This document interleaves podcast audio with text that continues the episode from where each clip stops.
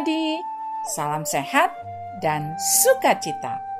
Semoga dengan membaca Alkitab dan mendengarkan renungan, adik-adik semakin dikuatkan.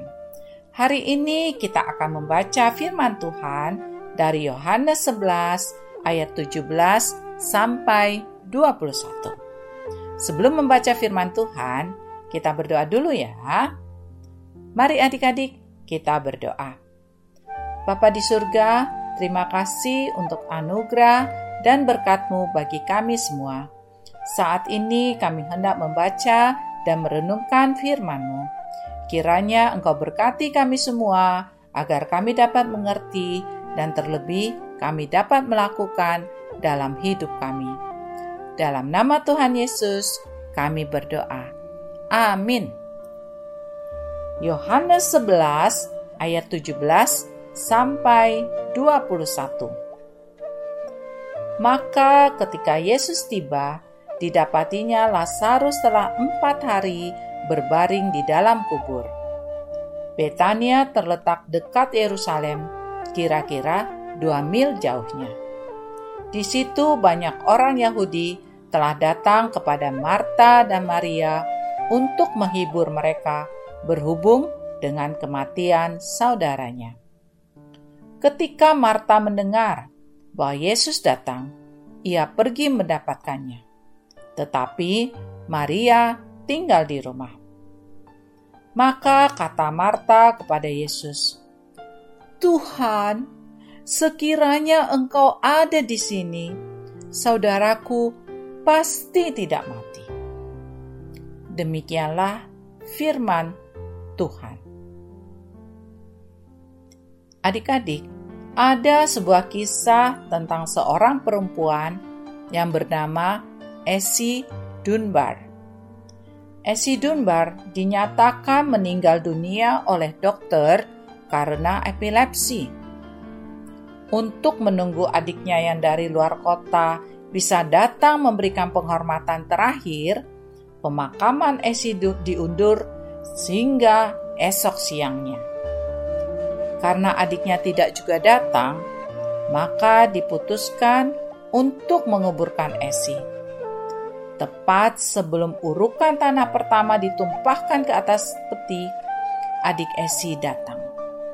Ia menangis sedih, merau-rau sambil meminta kepada Tuhan agar ia bisa dipertemukan terlebih dulu dengan kakaknya. Kemudian peti diangkat kembali dan sekrupnya dibuka.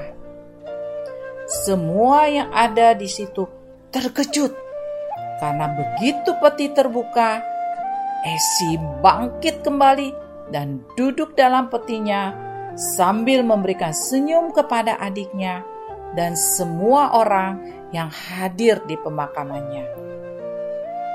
Esi akhirnya pulang kembali ke rumah dan melanjutkan hidupnya hingga 47 tahun kemudian. Meskipun ia hidup dalam kecurigaan bahwa ia adalah zombie, namun ia dan adiknya sangat bersyukur bahwa dengan kuasa Tuhan, Tuhan berkenan membangkitkannya dari kematian dan memberikan kesempatan hidup kembali selama 47 tahun. Sungguh luar biasa ya adik-adik. Kisah Esi Dunbar yang dibangkitkan Tuhan, hal ini menyatakan bahwa Tuhan berkuasa akan hidup kita. Seperti pembacaan Alkitab tadi, kita mengetahui bahwa Lazarus sudah mati pada saat Yesus tiba di Betania. Dan Yesus membangkitkan Lazarus dari kematiannya. Tuhan Yesus memiliki kuasa atas hidup kita, dan untuk itu kita berserah pada Tuhan, sehingga kita dapat mengatakan, "Aku berserah kepada Tuhan yang penuh kuasa akan hidupku." Demikianlah renungan Firman Tuhan hari ini. Mari, adik-adik, kita berdoa.